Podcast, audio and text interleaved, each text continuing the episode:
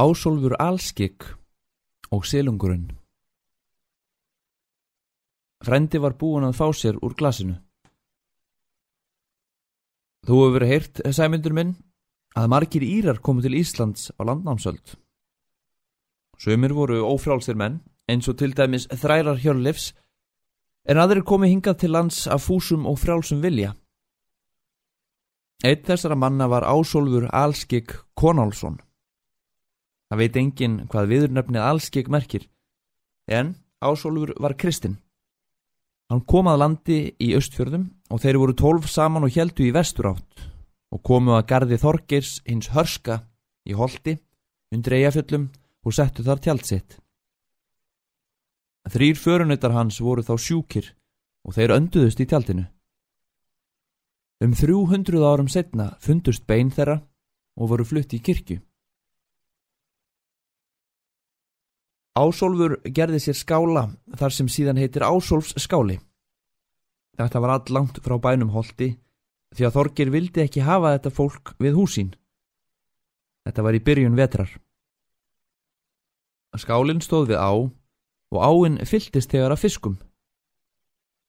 Þorgir fer þá að amast við Ásólfi og mönnum hans og segist eiga þessa veiðistöð. Ásólfur rökklaðist því brott og gerði annan skála vestar við aðra á. Sú á heitir Írá, því þeir félagar voru ískir. En er þeir komið til árinar var hún fulla fiskum og þóttust menn ekki hafa séð slíkt undur, en allur fiskur var brott úr eistri ánni. En ráku héraðsmenn þá á brott þaðan og þá fór ásólfur til hins vestasta ásólfskála. Fór alltaf sömu leið. Bændur kölluðu þá fjölkunnuga, en Þorger hvaðst ekki að þeir myndu vera góðir menn. Um vorið fóru þeir brott og vestur á Akranes, en þar bjó frendi Ásólfs jörundur hinn kristni. Þú sér það þessari sögu að það hefur stundum verið erfitt að vera kristin í heðnu samfélagi. En það höfum við sér dæmi um að börn kristina landnámsmanna snérust til heðni til að eiga meiri möguleika í lífinu.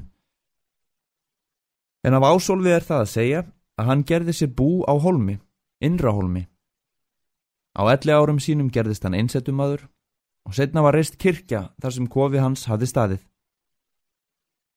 Ásólfur vitjaði konu í draumi og ávitaði hanna því að hún hafði þerrað fætur sína á þúfu sem var á leiði hans. Hann vitjaði líka bóndans sem bjó á innra holmi um 980. Sá bóndi hétt Haldur. Haldur hafði látið reka kýr yfir leiði Ásólfs. Í draumi hótaði Ásólfur honum öllu yllu. Þá let Haldur setja bein Ásólfs í tréskrín og setja alltar yfir. Síðan sendi hann svonsinn til Noregs eftir kirkjuviði. Þeir lendi í rakningum á faksaflóa og eruðu að kasta kirkjuviðnum fyrir borð en hann raka á land á kirkjusandi við Innrahólm og þar var kirkjan reist á leiði ásóls á kirkjubólstað. Frændi tæmdi glasið og sleikti út um.